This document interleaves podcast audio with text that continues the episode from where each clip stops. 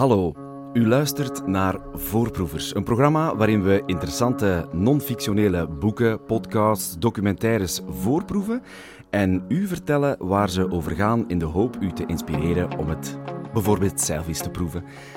Deze aflevering ga ik het hebben over kleine dingen, over uh, verkleiningen, over modellen, miniaturen, over maquettes. U kent ze wel allemaal, die fabuleuze schaalmodellen waar je als kind uren naar kon kijken en soms mee spelen. Maar waar je als volwassene, toch in mijn geval, ook nog altijd zo door gefascineerd kan zijn. En ik ben blijkbaar niet de enige, zo blijkt, want gerenommeerd Nederlands vertaler, journalist, essayist en romancier Nicolas Matsier schreef er een lijvig en prachtig geïllustreerd boek over. Een werk met de titel Op onware grootte, waarin hij in pakweg 42 hoofdstukken telkens een ander voorbeeld van een verkleining uit de doeken doet. Van de overgekende Gulliversreizen over het Flessenscheepjesmuseum tot de microkunst van Plinius en Konenko. En zelfs de souvenirs van de Eiffeltoren passeren. Voorproevers. Meneer Matsier, welkom. Het is na lezing van uw boek op onware grootte. Heel duidelijk dat u heel geïntrigeerd bent, maar van waar die fascinatie? Waarom zijn we zo gefascineerd door kleine dingen, door maquettes bijvoorbeeld?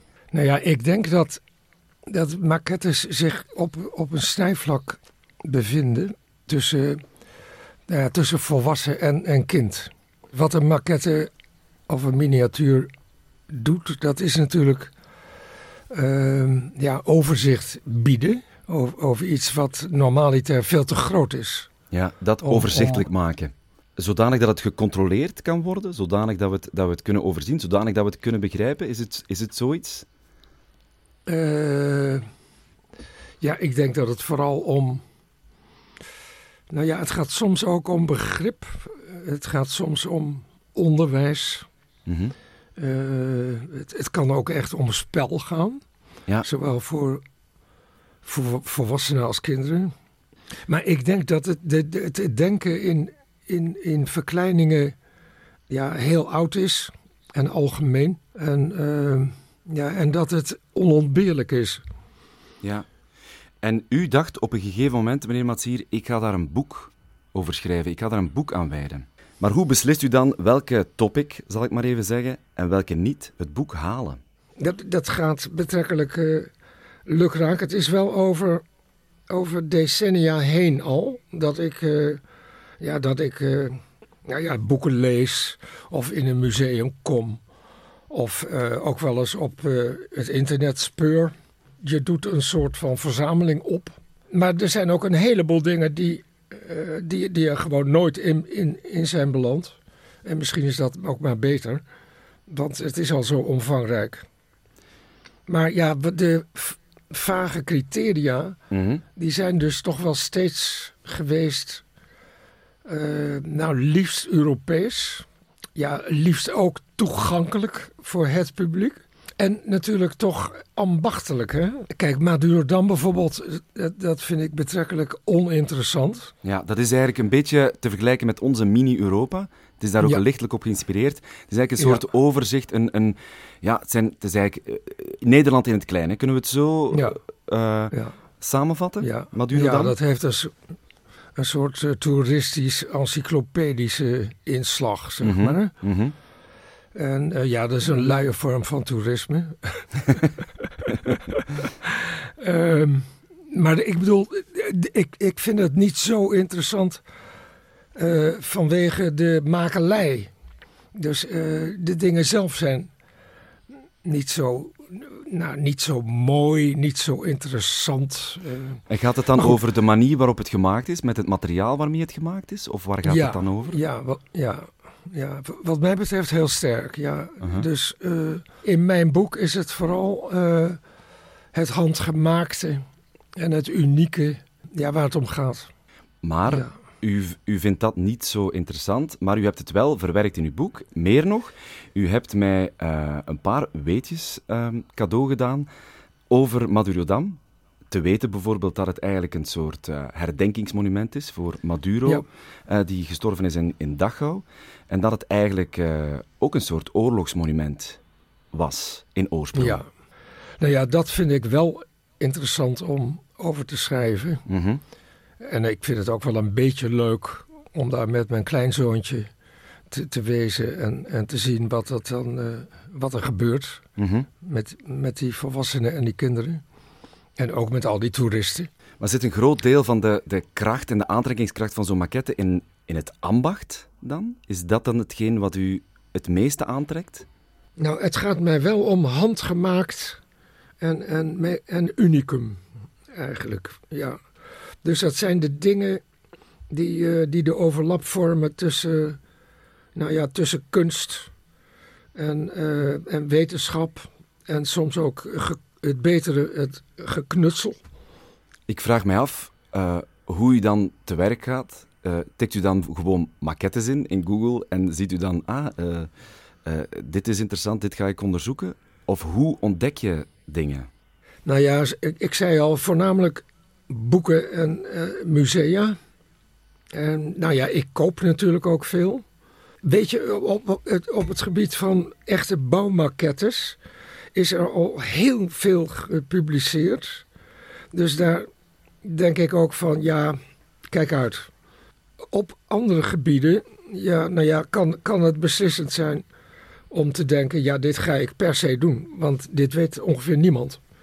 Dat klopt helemaal. Je hebt mij ook een paar keer eh, heel erg verrast. Want als ik aan maquettes denk, dan denk ik vooral aan architecten die, eh, die een, een, een gebouw bijvoorbeeld in een maquette maken om het dan later in het echt te zien verschijnen. Of aan Madurodam bij ons Mini-Europa. Eh, daar denk ik aan. Maar dan komt er, zo'n, eh, dan komt er af en toe een, een verhaal langs waarvan je denkt... eh, wist ik totaal niet. De KLM-huisjes. Huis ten Bosch, het Haagse paleis waar koning Willem-Alexander en zijn gezin woont, is het honderdste Delftsblauwe huisje van KLM. Die huisjes zijn exclusief voor business class passagiers op intercontinentale vluchten en zijn ware collectors items. Ieder jaar op de verjaardag van KLM wordt een nieuw huisje aan de collectie toegevoegd.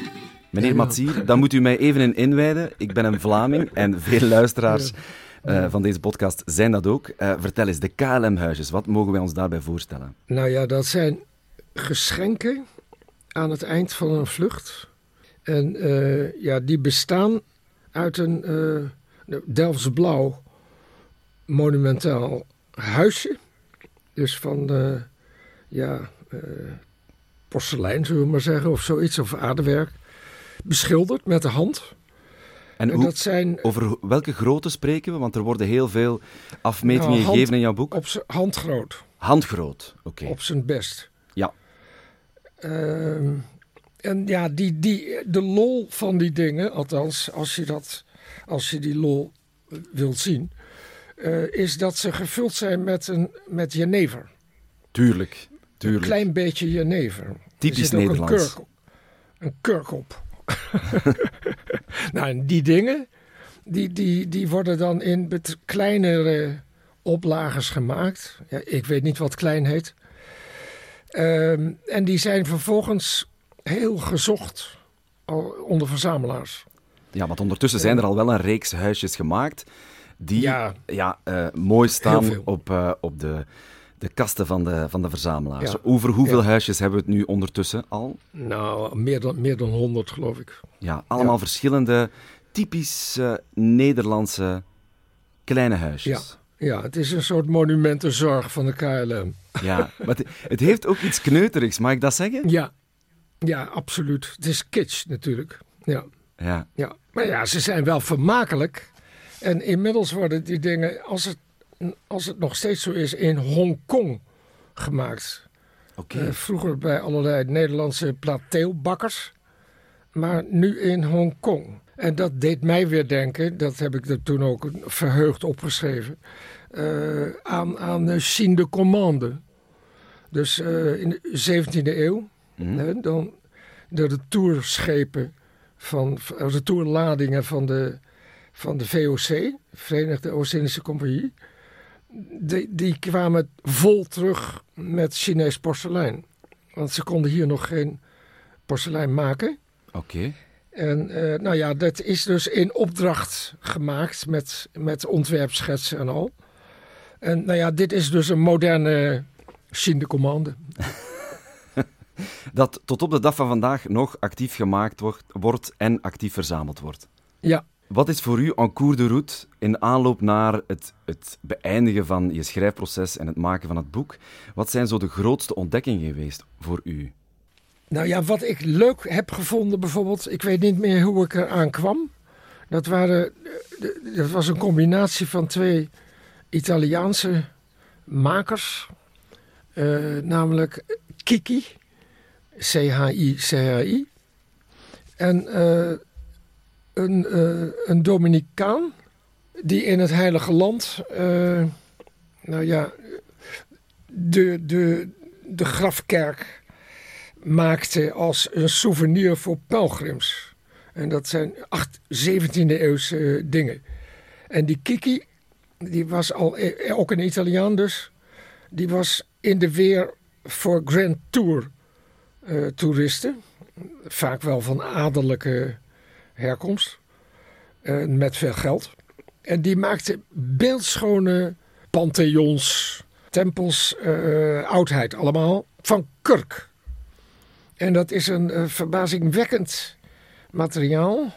Ik geloof dat hij het ook een klein beetje beschilderde. En ja, die, die zijn heel erg mooi. Er is bijvoorbeeld een pantheon. Dat kan je openklappen. Dus dat kun je zowel van buiten als van binnen bewonderen. En als ik het wel heb, bevindt zich dit pantheon aan de Universiteit van Gent. Oké, dat is vlakbij. Voor mij dan althans toch. Ja. Uh, en voor ja. sommige luisteraars is, misschien ook. En dat is ook heel mooi gerestaureerd dan weer. Dus ik, de dingen worden nog steeds naar waarde geschat.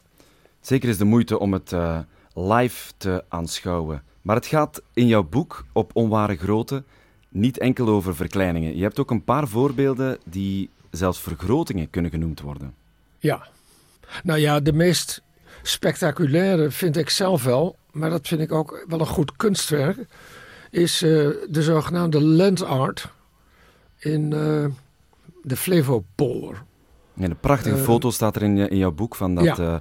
ja. Dat is natuurlijk een beroemde, beroemde maker, Gormley.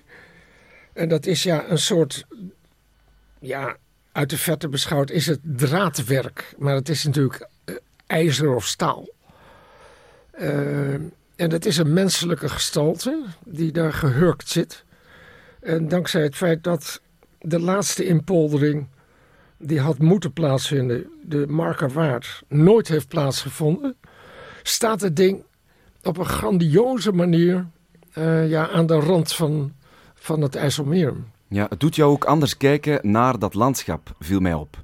En dat is wat ik, wat ik ook wel, waar ik ook wel nieuwsgierig naar ben. Um, leert het ons anders kijken, de verkleining of de vergroting? Een maquette bijvoorbeeld, een model. Leert het ons anders kijken naar de dingen? Ja, ik denk het wel, ja. Nou ja, we zijn natuurlijk heel erg gewend aan, aan, aan, aan omspringen met schaal. Hè? Dus fotografie doet niks anders dan dat. Ik bedoel, dat zijn kleine dingen waarop jij van alles ziet dat jij met je blote oog helemaal niet, nou niet makkelijk in elk geval. En, en waarbij je met gemak de schaal bijstelt. En uh, nou ja, bij maquettes en, en miniaturen gebeurt iets, iets vergelijkbaars. Dus mm, ja, je krijgt iets te zien wat je, wat je anders heel moeilijk of niet te zien uh, zou krijgen. En je krijgt een overzicht waar je normaal ook eigenlijk alleen maar details kunt zien. En dat heeft ook soms een educatieve waarde. Ja, wat heel mooi is, uh, dat zijn die glazen kunstwerken in kleur, glasgeblazen. Ja, uit de 19e eeuw tot 1939 werden ze gemaakt voor universitaire collecties. Hebt u het nu over het uh, werk van de vader en zoon Blaschka? Ja. Ja, ja prachtig. Prachtige de, foto's. De zo, prachtig, hè? De zogenaamde Blaschka's. En, en voor de, voor de ja. luisteraars, wat mogen wij, of wat kunnen wij ons daarbij voorstellen? Dat zijn dus ongewervelde zeedieren. Uh, duizenden hebben zij er gemaakt. Uh, zij, zij, waren de beste glasblazers misschien wel aller tijden. En die dingen, ja, die zijn beeld en beeld schoon, kan ik ja. alleen maar zeggen. Dus dat zijn uh, kwallen, uh, wormen. Maar dus heel esthetisch, wat u zegt, klopt helemaal. Het ziet er prachtig uit, maar het had eigenlijk een, een medisch doeleind. Onderwijs. Onderwijs. Ja, ja, ja, biologisch, uh, ja, hoe moet je het doen? De bewoners van de diepzee. En die dingen waren slecht conserveerbaar destijds. En ze verkleurden als je ze. Dus zij hebben die ja, verkleind vaak, soms ook vergroot. Uh, met een weergaloze ja, techniek, uh, realisme. Uh, ja, het zijn een soort juwelen geworden. Dat is een van de mooie ontdekkingen die je, ja, die je, die je kan ontdekken in het, in het boek dat u geschreven hebt over, over maquettes op onware grootte. Ik wil u graag uh, eventjes uh, meenemen naar een citaat dat u zelf in het boek geplaatst hebt. Want uh, het mooie is, je krijgt 42 hoofdstukken, 42 voorbeelden van zo verkleiningen. Um, van vroeger tot, tot nu, tot, tot daartussen. Um, en het wordt af en toe gelardeerd met een citaat. Vond u dat belangrijk om af en toe daar een, een citaat aan toe te voegen? Ja, ik vond het leuk. Gewoon, het zijn mededenkers over, uh, over de verkleining en de vergroting. Ja. En uh, er zijn er niet zoveel, naar mijn idee. Het kan zijn dat ik de helft over het hoofd heb gezien, maar ik lees natuurlijk al heel lang. En uh, nou ja, zowel poëzie als proza. En ja, het zijn zeldzaamheden. Wel, eentje wil ik toch graag met de, met de luisteraar delen, als het even als het, mag van u. Uh, Walter Benjamin uh, die ja. schrijft het volgende. Kinderen, omringd door een reuzenwereld, scheppen al spelend een wereld in het klein voor zichzelf die hen past. Maar een volwassen man, in een wereld van werkelijkheid die hem dreigend en zonder uitweg omringt, ontdoet haar door een kopie in het klein van haar angstwekkende aspecten. Ja, dat is een, een tweesnijdende analyse. Hè? Mm -hmm. ja. Ja, ik, ik denk dat het vaak waar is, maar ook niet altijd. Uh, want er is toch een tussengebied waarbij je niet helemaal zeker weet of je nou volwassen of kind moet zijn. Om iets, uh, ja, om interesse te hebben of iets mooi te vinden. Ja, want het heeft, het heeft wel iets kinderlijks. Uh, als, ik, als ik aan maquettes denk, denk ik ook... Bij ons uh, is er lang geleden een, een programma geweest in de Gloria en daar was een, een, een, een reportage over um, oudere, oudere mannen die met kleine treintjes ja. speelden en daar ja. heel erg in opgingen in, dat, uh, in ja. dat spel. Dat gebeurt natuurlijk ook zonder um, enige vorm van... Um, uh, van oordeel natuurlijk. Um, ja. ja het, ik zeg het al gekscherend, maar het, is, het, het, het lijkt ook iets mannelijks te zijn, uh, zou je bijna denken. Maar toch hebt u een paar heel interessante vrouwelijke benaderingen gevonden van uh, met maquettes aan de slag gaan. ik wil het even hebben over het werk van Frances Glessner Lee. Ja. Heel, heel indrukwekkend. Wat deed zij precies? Zij maakte uh, ja, maquettes, kijkdozen zou je haast kunnen zeggen, uh, van uh, plaatsen delict. Ja, dus waar een crime scenes. misdaad ja. had plaatsgevonden. Onveranderlijk met één lijk.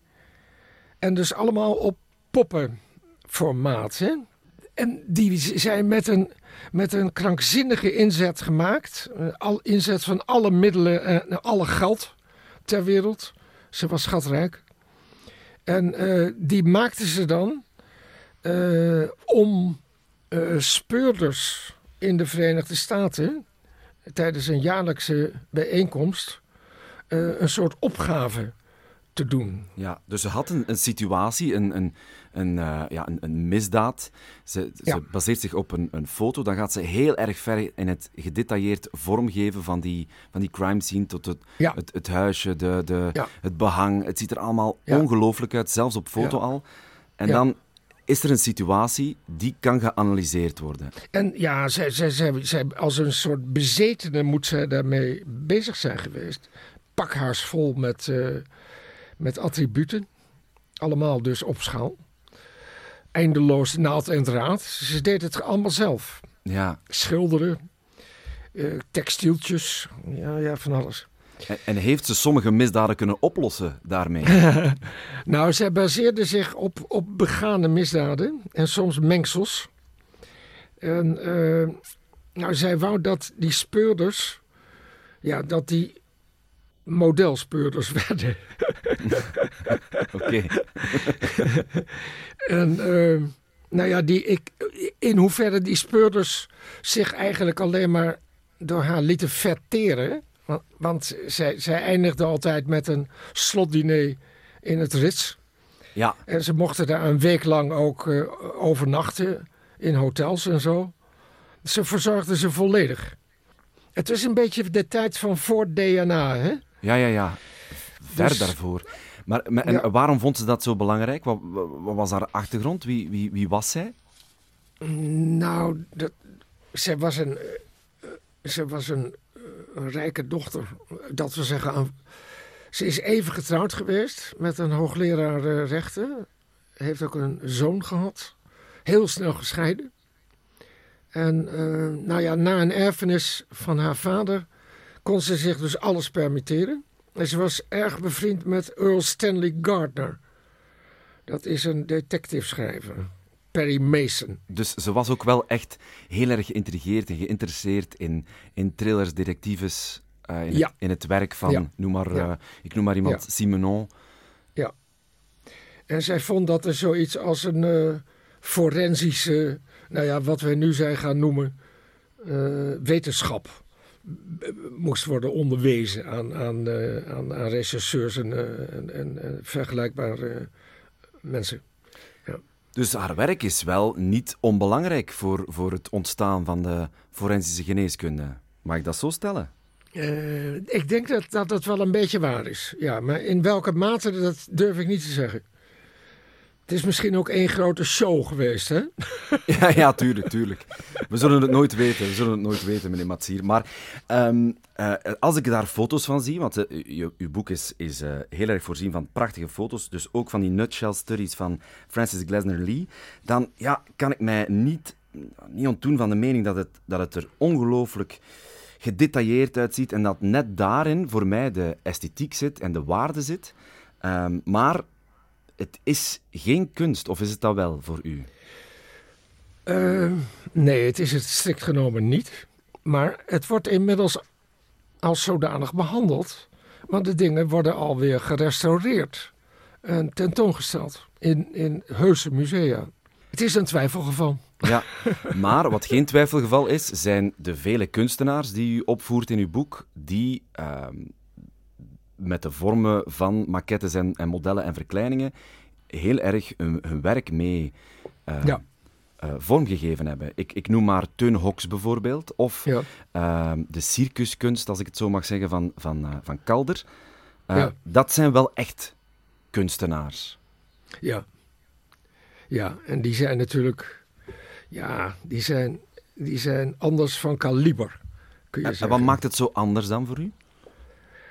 Nou ja, toch de abstrahering die zo'n Calder eh, aangaat. Het, hij, laat met, met geknutseld materiaal, dat is lang voor zijn mobiles en zo. In Parijs zat hij, eh, gaf hij kleine voorstellingen. Je kunt ze op het internet heel goed vinden. Het is prachtig. Eh, gaf hij dus circusvoorstellingen. Dus grote man, hè? een beetje nors gezicht. en dan, dan, ja, dan deed hij van alles met, met een heel klein beetje muziek. En ja, ijzerdraad, eh, een stofje hier en daar, een beetje gelast. En prachtig. Ja. Dan viel er bijvoorbeeld een eh, acrobaat eh, uit, uit, uit de lucht. En dan komt er een hele kleine ambulance aanrijden. En die voert dan de acrobaat af. Zulke dingen.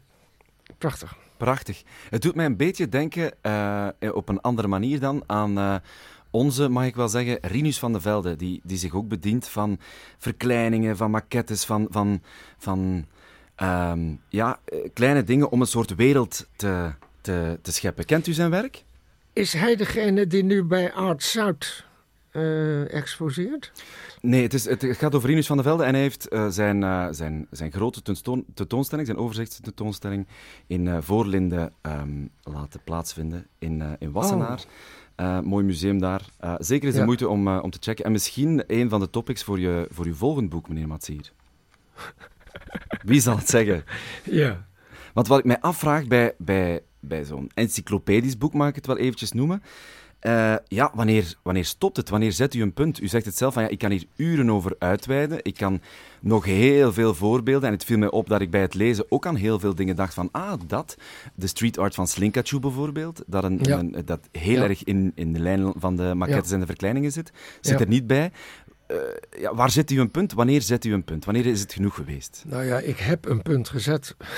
En dat is dan dat. Ik, ik denk Ja. dat compleetheid eh, de dood is.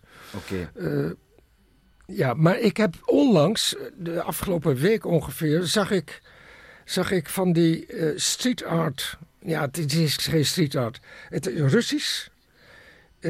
kleine plastic luidjes met, met bordjes die demonstreren tegen de oorlog. Oké. Dus die zijn dan ergens geplaatst in een gebouw of langs de straat. Onbestrafbaar. Wel opgenomen op, eh, ja, met een camera. En dat vond ik weer zo meesterlijk. Zo ongelooflijk goed bedacht. Dus daar had ik bijvoorbeeld even spijt van. Dat ik dacht van ja, dat is een genus apart. Maar goed, Demonstratie. u hebt nog tijd om er eh, een volgende boek aan te wijden, eh, meneer Matsier. Eh, wat mij betreft Nou ja, mag u dat zeker doen. Ik heb heel erg genoten. Wat ik ook heel fascinerend vond, tot slot, is... ehm, ja, er zijn heel veel doeleinden. Het militaire doeleind hebben we al, hebben we al besproken. het esthetische doel, ehm, ook het, het, het wetenschappelijke. Maar er is ook een, een, een, een doel dat simpelweg over rouw gaat. Ehm, een, een kunstenaar uit Ghana, Kane Kwei, zeg ik het goed? Ja, eh, Ja. die doodskisten maakte ehm, in, de, in, de, in de vorm van... van ehm, ja, ik, ik, ik heb een grote sardine eh, Ja. gezien, waarin mensen dan worden ingelegd. Eh, Ja. Wat voor u ook eigenlijk een beetje een voorbeeld is van zo'n een, een, een vergroting of een verkleining. Ja. Ja, een hele sensationele vergroting eigenlijk. Hè? Ja. Want, want het, het, het, het, het dient maar voor 24 uur. Ja, klopt. Dat is de periode waarin ze daar ja, eh, eten, drinken, rouwen en ruzie maken. En waarin ook het lijk wordt wegbezworen, zeg maar. Gewoon van, het moet vooral niet terugkeren. Het heeft niks met christendom te maken. Ja. Het is een soort wonderlijke begrafeniskunst dus, die, die, die maar 24 uur duurt. En het zijn schitterende dingen. Ja, het ziet er, het ziet er in ieder geval heel, heel, eh, heel mooi uit. Eh, in alle verdriet en in alle ehm, Ja. woeste, Ja. woeste rouw eh, heeft het iets heel erg eh, helend en troostend, vind ik, eh, Ja. dat werk. Dus eh, ook... ja, en opgewekt ook, hè? ja, absoluut. Zeker, zeker Ja. weten. Dus allemaal te lezen en te bekijken, vooral in het boek Op Onware Grootte van Nicolas Matsier. En dan ga ik eindigen met een vraag waarmee ik eigenlijk wou beginnen. Bent u zelf een maquettemaker? Nee, ik geloof niet in de verste verte. Nee. nee. Nee, het heeft jou ook nooit, nooit bezig gehouden of je, u hebt nooit ook als kind ehm, ja, iets, iets kleins willen, willen maken van iets groots? Nee, ik geloof het niet. Nee, het spijt me. Nee, geen enkel probleem. U hebt er in ieder geval een heel interessant boek over geschreven, waarvoor oprechte dank. Ik wens u nog een, eh, een heel fijne, fijne dag toe. En eh, vooral heel veel inspiratie voor dat tweede boek, eh, want eh, ik denk dat er eh, nog stof genoeg is om daar een tweede boek aan te wijden. Dank u wel, meneer Matsier. Ik dank u.